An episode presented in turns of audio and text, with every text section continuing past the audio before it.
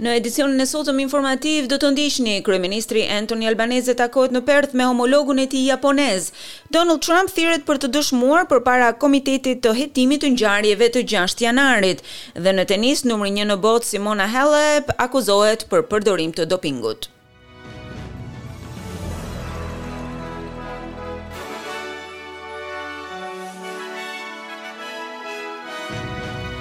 Dhe fillojmë më gjërësisht me lajmet, siguria rajonale dhe energjia e gjelbër janë në krye të agjendës, kur kryeministri Anthony Albanese dhe homologu i tij japonez Fumio Kishida do të takohen në Perth. Të dy zhvilluan bisedime në një takim vjetor të liderëve Australi-Japoni, ku një njoftim rreth mbrojtjes dhe çështja e furnizimit me energji do të jetë në fokus të bisedimeve. Albanese është shprehur se ngjarja është historike dhe do t'i lejojë të dy udhëheqësit të diskutojnë mënyrat e arritjes së vizionit të tyre të përbashkët për një Indo-Paqësor të qëndrueshëm edhe ndaj klimës. Kjo do të jetë hera e katërt që zoti Albanese takohet me zotin Kishida, që në momentin që laburistët fituan zgjedhjet federale të muajit maj. Banorëve në qytetin Moree në veri të New South Wales i është thënë të evakuohen menjëherë për shkak të përmbytjeve të mundshme. Shërbimi Shtetëror i Emergjencave ka paralajmëruar se reshjet e dendura të shiut po bëjnë që lumi Mehi të ngrihet dhe pritet që të arrijë në një lartësi të ngjashme me përmbytjet e vitit dy mijë e njëzet e një. Banorëve në zonat e ulëta të Moree i është thënë të evakuohen përpara se pronat e tyre të përmbytjes gjë që pritet të ndodhë sonte. Një qendër evakuimi është ngritur në Moree, ndërkohë që zonat e përmbytura në Victoria dhe New South Wales janë goditur përsëri me stuhi të forta e reshje të dendura shiu. Ekziston frika se shiu i mëtejshëm kësaj fundjave do të përkeqësojë nivelet e larta të lumeve në zonat tashmë të përmbytura. Byroja thotë se në Queensland-in juglindor dhe në Tasmaninë veriore ka gjithashtu zona të cilat ndodhen në rrezik nga përmbytjet të cilat gjithashtu paraqesin një shqetësim të vazhdueshëm për autoritetet.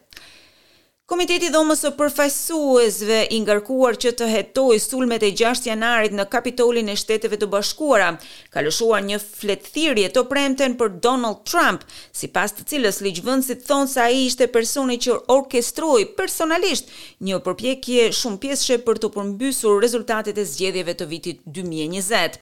Paneli prej nëntë anëtarësh ka lëshuar një letër për avokatët e Trump duke kërkuar dëshminë e tij në hetimet e vazhdueshme deri në datën katërmbëdhjetë nëntor. Sekretarja e shtypit të Shtëpisë së Bardhë, Karine Jean-Pierre thotë se ka një hetim të pavarur në vazhdim për të arritur në fund të asaj që ndodhi me të vërtetë në datën gjashtë janar në Capitol Hill.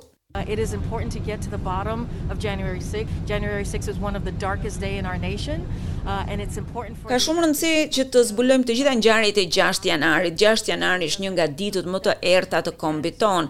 E ka shumë rëndësi që populli amerikan të dijë saktësisht se çfarë ka ndodhur, në mënyrë që një gjë e tillë të mos ndodhë më kurrë. Kështu ne nuk duam të përsërisim këtë ditë shumë të errët të kombit tonë. Është e paqartë se çfarë përgjigje do të japë Trump dhe ekipi i tij ligjor. Trump mund të pajtohet ose të negociojë me komitetin, si dhe të shpallë se do të kundërshtojë këtë thirrje ose do ta injorojë atë.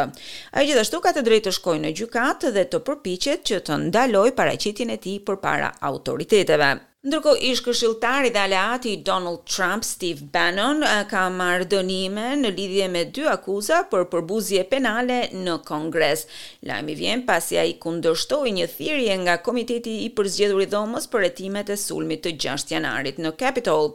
Një gjykatë e ka dënuar zotin Bannon me katër muaj burg dhe një gjobë prej dhjetë mijë dollarësh dhe ka lejuar atë që të qëndrojë jashtë burgut, ndërkohë që ai bën hetime dhe apelon dënimin e bërë. Zoti Bannon foli pas dhënies së dënimit.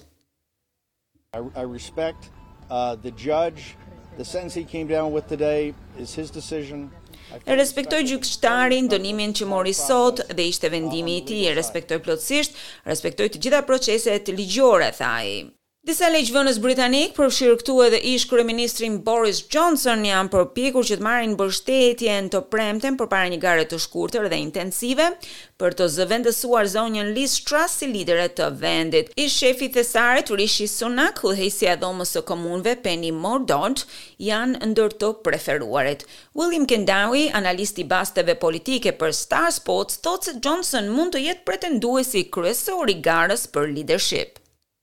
So I would have either the two likeliest winners as Rishi Sunak or Boris Johnson. I think the favorite now has to be Boris Johnson because the membership Për mendimin tim dy favoritët janë Rishi Sunak dhe Boris Johnson. Mendoj se favoriti është Boris Johnson dhe ai do të ketë fjalën e fundit. Natyrisht votimi do të bëhet online duke filluar që nga e hëna dhe Boris Johnson është pretendenti më i njohur për anëtarësimin.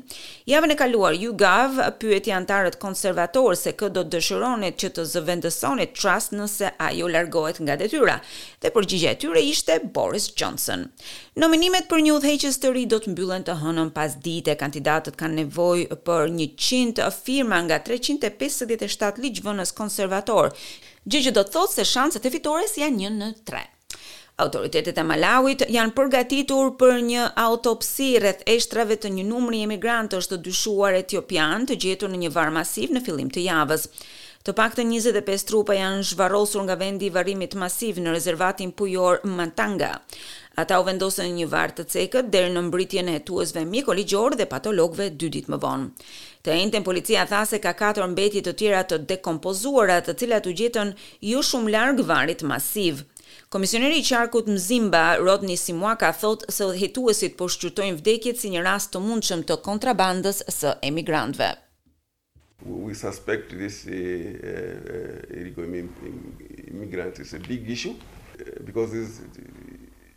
Ne mendojmë se migrantët e paligjshëm janë një çështje shumë e rëndësishme, kjo për shkak se Mzimba është një pikë tranziti, ata kalojnë këtu për të shkuar në Lilongwe. Më shumë duhet bërë në pikën hyrëse në Karonga, e kemi nevojë për agjenci për të punuar së bashku me drejtuesit lokalë. Provat e mbledhura në vendngjarje treguan se të vdekurit ishin shtetas etiopianë të moshës njëzet e pesë deri në dyzet vjeçare. Kalojmë në Europë, kryeministri italian në largim Mario Draghi tha në konferencën e fundit të lajmeve të Bashkimit Europian se nuk ka asnjë këshillë për pasardhësen e tij Giorgia Meloni. Non do consigli al nuovo governo. I do not give advice to the new government. What an outgoing. Nuk i jap këshilla qeverisë së re. Ajo që mund të bëjë një qeveri në largim është të japë dëshmi për atë që ka bërë. E kryeministri ka lënë pasardhësin e tij. Siç e thashë, Jemi përpjekur e vazhdojmë të përpiqemi, të gjithë ministrat dhe unë, që të sigurojmë një tranzit sa më të qetë e sa më të informuar, në mënyrë që Qeveria e re të fillojë së shpejti punën e saj. Draghi ishte në Bruksel duke marrë pjesë në ditën e fundit të një samiti të Këshillit Europian dhe është përballur me mënyrat se si duhet të zgjidhet problemi i çmimeve të larta të energjisë. Italia dhe pjesa më e madhe e Europës po luftojnë me kostot e larta të energjisë, me dramën e luftës së Rusisë në Ukrainë, e cila mund të zvogëlojë furnizimin me gaz këtë dimër, si dhe të vazhdojë të rrisë faturat e energjisë shtëpiake dhe bizneseve. Presidenti i Bjellorusisë, Aleksandër Lukashenko thotë se ushtria e vendit të tij nuk do të hyjë në luftë me Ukrainën. Shoqin prosta. Everything is very simple, today there's no war and we do not need it, if they will intrude, well. Gjithçka është shumë e thjeshtë, sot nuk ka luftë, nuk kemi nevojë për të. Nëse do të ndërhyjmë, ne po stërvitemi. Ju na kritikoni për këtë e mund të na kritikoni nëse shikoni të arsyeshme, por ne do të bëjmë atë që na duhet të bëjmë për t'u mbështetur në forcat tona. Zoti Lukashenko dhe presidenti rus Vladimir Putin kanë rënë dakord më parë për të krijuar një grupim të përbashkët rajonal të trupave ushtarakë. Kjo do të thotë se nëntë mijë ushtarë rusë do të vendosen në Bjellorusi, ndërkohë që njëqind e shtatëdhjetë tanke të tjera e dyqind automjete të blinduara do të mbërrijnë në vend së shpejti. Analistët sugjerojnë se nëse ushtria e vogël dhe e papërvojë e Bjellorusisë përfshihet në operacionet ushtarake speciale ruse, trupat shtesë mund t'i vijnë atyre në ndihmë.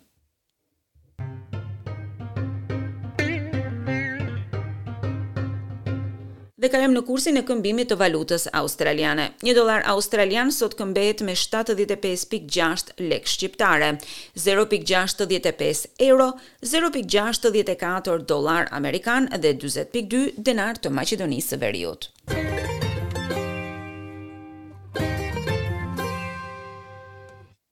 Kalojmë në sport, ish numri një në botë Simona Halep është dënuar për përdorim të doping në një njoftim që ka tronditur botën e tenisit. Halep rezultoi pozitive në US Open në muajin gusht. Ajo lëshoi një deklaratë duke thënë se do të luftojë deri në fund për të provuar se nuk e kishte marrë me vetëdije substancën e paligjshme. Lojtarja rumune nuk do të ketë të drejtë të luajë në asnjë tornament deri në sqarimin e akuzave. Ajo ka mundësinë që të apelojë vendimin, por me një ndalim aktual deri në katër vjet, kjo mund të nënkuptojë edhe fundin e karrierës së saj. Dhe kalojmë në parashikimin e motit. Sot nëpër qytetet australiane u regjistruan këto temperatura, Sidni tetëmbëdhjetë njëzet e pesë, Melburn gjashtëmbëdhjetë nëntëmbëdhjetë, Brisbane nëntëmbëdhjetë njëzet e tre, Perth njëmbëdhjetë njëzet e katër, Adelaide trembëdhjetë njëzet e një, Canberra trembëdhjetë njëzet e një, Hobart katërmbëdhjetë nëntëmbëdhjetë, Darwin njëzet e shtatë tridhjetë e pesë gradë Celsius. Për nesër, Byroja e Parashikimit të Motit sjell këto temperatura, Sidni tetëmbëdhjetë, njëzet e katër, Melburn trembëdhjetë, tetëmbëdhjetë, Brisbane tetëmbëdhjetë, njëzet e dy, Perth njëmbëdhjetë, njëzet e tre, Adelaide trembëdhjetë, njëzet, Canberra trembëdhjetë, njëzet e një, Hobart dhjetë, katërmbëdhjetë dhe Darwin njëzet e shtatë, tridhjetë e pesë, gradë Celsius. Ndoqët edicionin informativ.